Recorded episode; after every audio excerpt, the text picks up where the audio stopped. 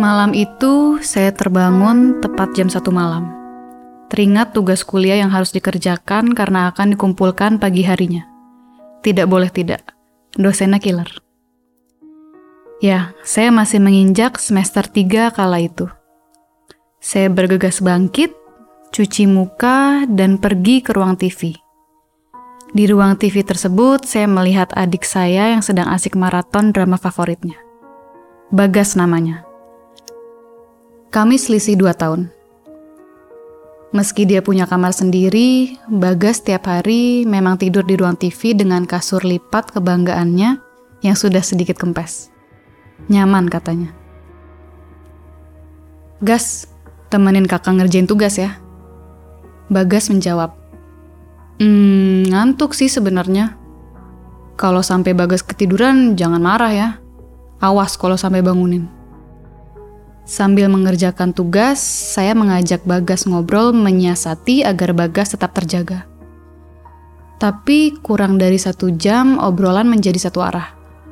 Bagas tidak lagi menanggapi alias sudah tepar ketiduran. Saya biarkan TV tetap menyala agar seolah tetap ada yang menemani. Saya pun menguap dan menggeliat meregangkan tangan saya ke atas. Dua nomor lagi selesai. Pukul 2 lewat 15, Bagas terlihat sangat pulas. TV masih menyala, suasana terkesan sunyi, dan saya pun mulai memperhatikan tiap sisi ruangan dengan masih terduduk di atas sofa sembari memangku laptop. Fokus mata saya mulai kembali ke layar laptop. Sebentar. Suara apa itu? Seperti suara orang yang... Saya bangkit berdiri, meraih remote TV di samping Bagas. Saya mengecilkan... Bukan. Saya mute TV-nya. Mata saya memicing ke arah Bagas yang terlelap. Telinga saya menelaah suara yang aneh.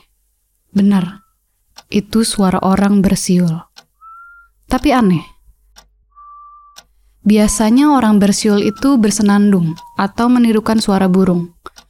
Siulan ini tidak seperti itu. Nadanya tidak beraturan.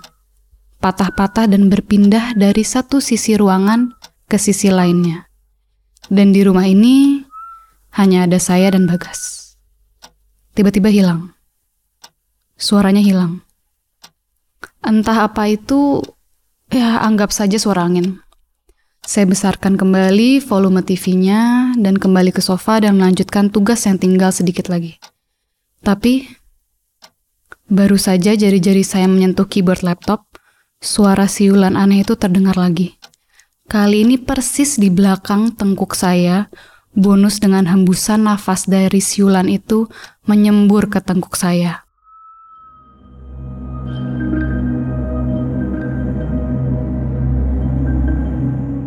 Fix. Saya secepat kilat kembali ke kamar tanpa berani menengok ke belakang, peduli setan dengan tugas. Saya menarik selimut, mencoba sekuat tenaga untuk langsung tertidur, dan saya pun terlelap. Subuh saya terbangun, dan anehnya, saya mendapati Bagas tidur di samping saya. Sangat aneh. Tidur di kamar sendiri saja tidak pernah. Saya pun berkata, Gas, bangun. Bagas, sholat subuh dulu.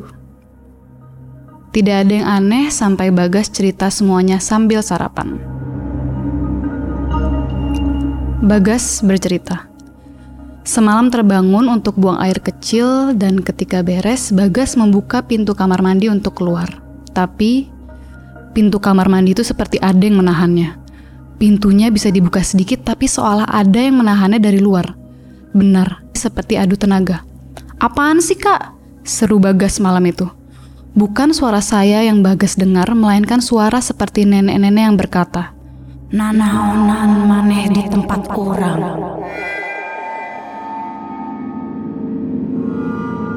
Suara itu lirih namun seolah menggema.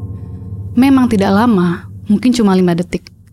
Tapi bisa dipastikan itu adalah lima detik terlama dalam hidup Bagas.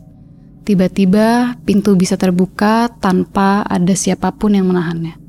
Sekeluarnya dari kamar mandi, Bagas memilih untuk melanjutkan tidurnya di kamar saya.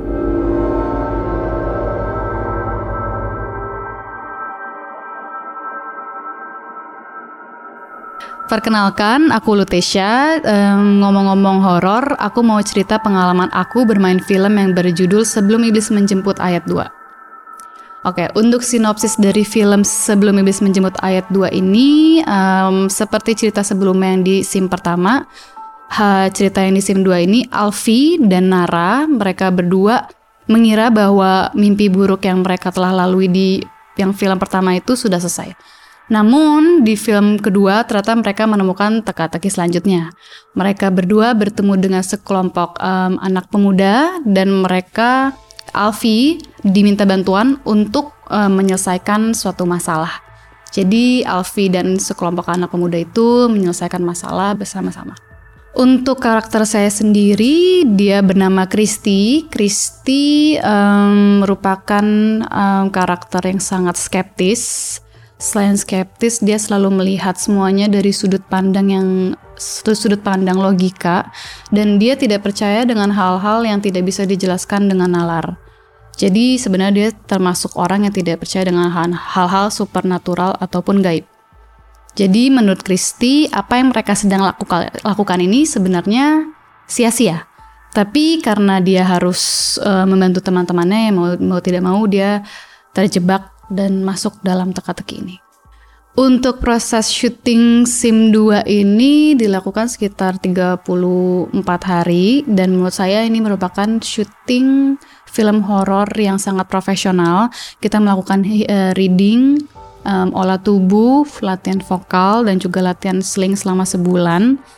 Jadi mm, menurut saya ini merupakan horor yang memiliki standar yang sangat di atas rata-rata dengan keprofesionalan mereka, semuanya aman dan bisa dibayangkan aja kalau kalian udah menonton film sim pertama itu sudah sangat menegangkan dan seperti roller coaster dan ekstrim sedangkan di sim 2 ini karakternya lebih banyak sehingga um, lebih double sih pasti ekstrimnya. Untuk film Sim 2 ini akan segera tayang bulan depan mulai tanggal 27 Februari 2020.